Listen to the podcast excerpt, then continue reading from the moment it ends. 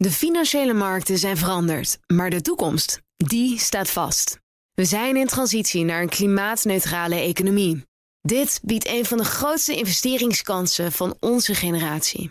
Een kans voor u om mee te groeien met de klimaatoplossingen van morgen. Meer weten? Ga naar carbonequity.com. Carbon Equity. Do good by investing better.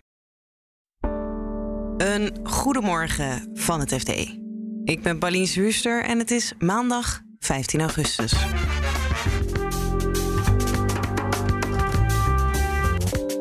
Wat het kabinet kan doen om de energierekening naar beneden te krijgen, heeft ook zo zijn nadelen. Maar er zal iets moeten gebeuren. De prijzen zijn zo exorbitant uh, hoog.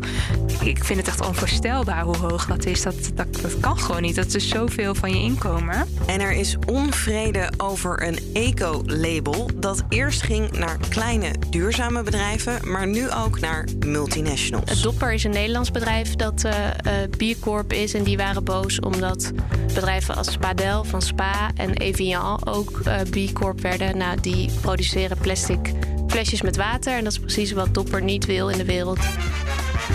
Dit is de dagkoers van het FD.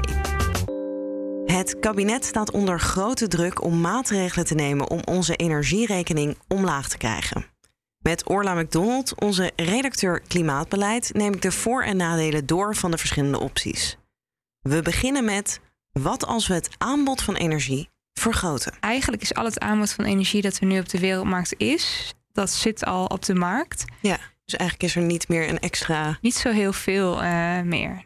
Ja, het gasveld in Groningen kan uh, nog open. Um, daar zou in potentie, als het weer helemaal draait zoals vroeger, uh, tot 50 miljard kub per jaar uit kunnen komen. Maar dat lijkt echt heel erg onrealistisch. Dat, dat, ja, dat is gewoon niet veilig voor de Groningers. En het lijkt gewoon politiek ook heel erg onhaalbaar om dat uh, te doen. Dus het aanbod gaat niet omhoog. Dan kunnen we misschien de vraag naar beneden. Is dat een haalbare kaart? Op zich wel. Je ziet nu al dat mensen in alle el uh, zonnepanelen, warmtepompen, isolatie uh, aanschaffen. Dus het energieverbruik uh, gaat wel uh, daarmee naar beneden. maar de vraag naar die producten is ook zo groot dat bedrijven in duurzame energie ze ook niet meer kunnen leveren. Daar houdt het ook een beetje op. Ja. En als we dan toch iets willen gaan sleutelen aan die prijs, kunnen we dan misschien kunnen de energiebedrijven dan iets doen? Of kunnen wij de energiebedrijven dwingen om iets te doen aan de prijs? Er zijn natuurlijk wel heel veel maatregelen die je uh, kan nemen. In Frankrijk is er bijvoorbeeld een uh, maximale uh, prijs ingesteld voor gas en ook deels voor stroom. Ja, zo'n prijsplafond is in Nederland wat lastiger. in Frankrijk zijn de energiebedrijven ook voor een groot deel staatsbedrijven. Dus het kan dan makkelijker afgedwongen worden. Ja. Um, het is deels ook gewoon ook best nog wel gevaarlijk om te doen. Want ja, de consument heeft dan wel een lage prijs, maar die bedrijven uh, die moeten hun stroom en gas wel inkopen op de wereldmarkt tegen een hoge prijs.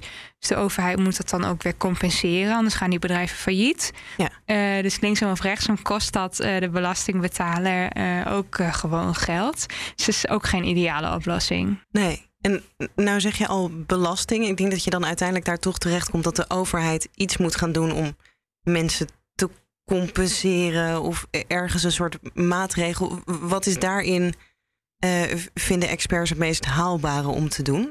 Nou kijk, de, de energieprijzen zijn al een hele tijd hoog. De overheid heeft ook al een keer compensatie uh, gegeven. Het heeft al de energiebelastingen verlaagd en de BTW. Um, en dat was een heel uh, generieke maatregel. Dus eigenlijk voor, uh, ja, voor iedereen. iedereen. En experts zeggen nu, voor deze tweede keer, omdat de prijzen door blijven stijgen, moet de overheid eigenlijk veel uh, doelmatiger kijken naar degenen die echt uh, hoge energielasten hebben door een hoog energieverbruik, omdat hun huis slecht geïsoleerd is, of de mensen die gewoon een laag inkomen hebben en die het sowieso moeite hebben om rond te komen. En dan kan je bijvoorbeeld denken aan een uh, sociaal energietarief. Dat is in België het geval. Dan betalen mensen bijvoorbeeld met een uitkering of mensen in een sociale huurwoning, die betalen dan een lager tarief dan anderen. Ja. Daarvoor moet de Belastingdienst gegevens geven aan energiebedrijven. Ja. Ehm, en die kunnen dan zo'n lager tarief ja, instellen. Ja, want nu hebben ze ook, heeft de overheid eerder al nou ja, lage inkomens een soort extra compensatie gegeven. Dat zou je ook nog kunnen uitbreiden natuurlijk. Dat zou je nog een keer kunnen doen. Dan geef je gewoon in één keer één vaste toeslag aan mensen met een, uh, mensen met een minimuminkomen. Ja. Misschien ook mensen met een uh, modaal inkomen. Want de energieprijzen zijn nu wel zo hoog dat ook die mensen daar veel last van hebben. Ja, dat is ook een heel doel, doelgerichte uh, maatregel waarvan experts zeggen dat zou het kabinet deze keer opnieuw kunnen doen. Verschil met dat sociale tarief uh, is dus dat die toeslag in één keer wordt uitbetaald. En je dus helemaal niet kijkt naar het energieverbruik uh, van mensen. Um, er zijn ook mensen met een laag inkomen uh, die wel toevallig in een heel geïsoleerd huis wonen. Ja. En dus ook een wat minder hoge energierekening hebben. met zo'n sociaal tarief filter je dat wel um, beter eruit. Ja, en dan heb je misschien ook nog een impuls om minder te gaan verbruiken. Ja, precies. Want dat zeggen experts ook. Elke compensatiemaatregel. Daarbij moet je ook wel heel erg op letten dat je niet die prikkel uh, eruit haalt. Want dit moment is hoe vervelend ook, ook echt best wel een kans om snel die verduurzaming uh, door te voeren. Ja. Uh, mensen die het kunnen betalen, uh, die zouden nu eigenlijk echt wel moeten proberen om hun huis te verduurzamen. Kan ik dan concluderen dat eigenlijk al deze oplossingen ook weer hun eigen nadelen hebben. Ja, elke oplossing heeft een, uh, heeft een nadeel. Maar ik denk wel dat het kabinet iets moet gaan doen. Want de prijzen zijn zo exorbitant uh, hoog. Dat als mensen nu een nieuw contract afsluiten, ze soms gewoon 6500 euro uh, per jaar kwijt zijn. Dat is nu de prijs voor het energiecontract voor een gemiddeld huishouden. Ja, en ook veel meer dan we hadden gedacht toen dit allemaal begon. Ja, veel meer.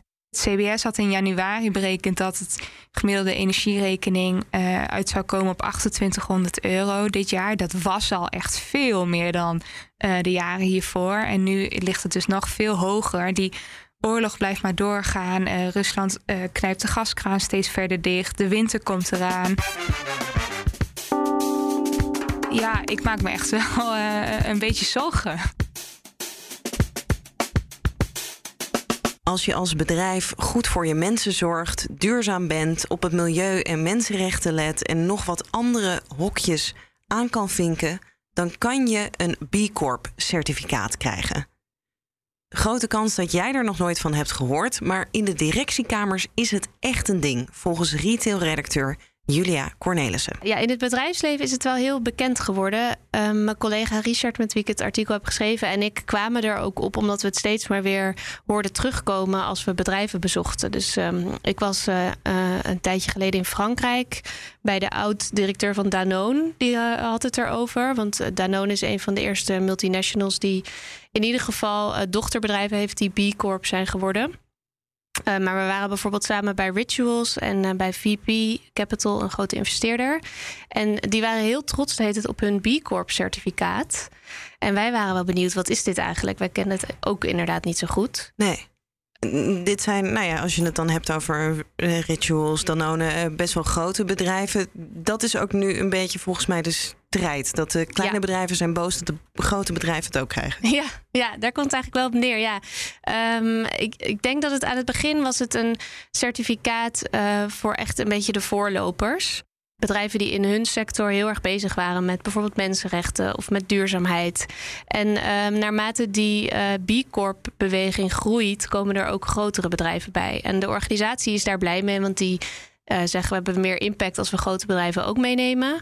Maar die kleintjes zeggen van ja, hey, bijvoorbeeld koffiebedrijven die ik voor dit artikel heb gesproken die zeggen: onze hele bedrijfsvoering draait om goede relaties met koffieboeren. En dan komt Nespresso erbij, terwijl zij uh, zijn veroordeeld voor uh, kinderarbeid bijvoorbeeld. Wat zegt die organisatie dan, dat BLAB? Hoe kan het dan dat nou ja, een bedrijf als Nespresso, waar dan dit soort kritiek op is, wel zo'n certificaat krijgt?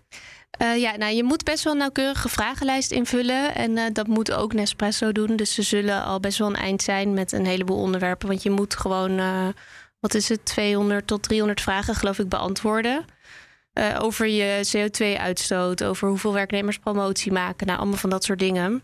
Maar de organisatie ziet het ook wel, en Nespresso zelf ook trouwens, een beetje als een startpunt. Dus je brengt het allemaal in kaart, wat je doet voor het milieu en voor je werknemers en zo. En vanuit daar uh, word je dan steeds beter en kun je dus meer punten gaan halen op een gegeven moment. Ja. Uh, je hoeft nog niet perfect te zijn, is wat ze ook een beetje zeggen. Snapt die organisatie iets van de kritiek van de nou ja, kleine duurzame bedrijven die denken, nou, dit keurmerk wordt verwaterd? Ja, ja, ze zijn ook met elkaar in gesprek, begreep ik. Um, Dopper is een Nederlands bedrijf dat uh, uh, is. En die waren boos omdat uh, bedrijven als Spadel van Spa en Evian ook B-Corp werden. Nou, die produceren plastic flesjes met water. En dat is precies wat Dopper niet wil in de wereld. Die willen van die herbruikbare flessen hebben. Fairtrade keurmerk, dat werd uiteindelijk, nou, omdat bijna iedereen het had, of allerlei ja. bedrijven het hadden, was die waarde een beetje weg? Daar zijn ze dus niet bang voor dat dat, dat op die manier verdwijnt door dit soort bedrijven toe te laten? Nee, zij hebben dat zelf niet, uh, niet zo gezegd. De, de, ja, dit is waar die kleinere bedrijven wel inderdaad bang voor zijn. Ja. Want het verliest voor hen een beetje zijn waarde.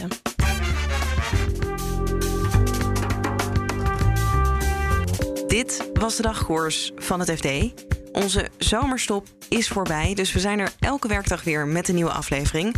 Morgenochtend vind je ons dus weer in je favoriete podcast-app, als je je tenminste even abonneert. De verhalen die we besproken hebben, die vind je in de show notes van de aflevering. En het laatste financieel-economisch nieuws volg je natuurlijk op fd.nl. Voor nu een hele fijne dag en graag tot morgen.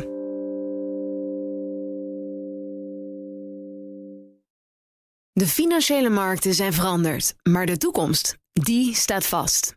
We zijn in transitie naar een klimaatneutrale economie. Dit biedt een van de grootste investeringskansen van onze generatie. Een kans voor u om mee te groeien met de klimaatoplossingen van morgen. Meer weten? Ga naar carbonequity.com. Carbon Equity. Do good by investing better.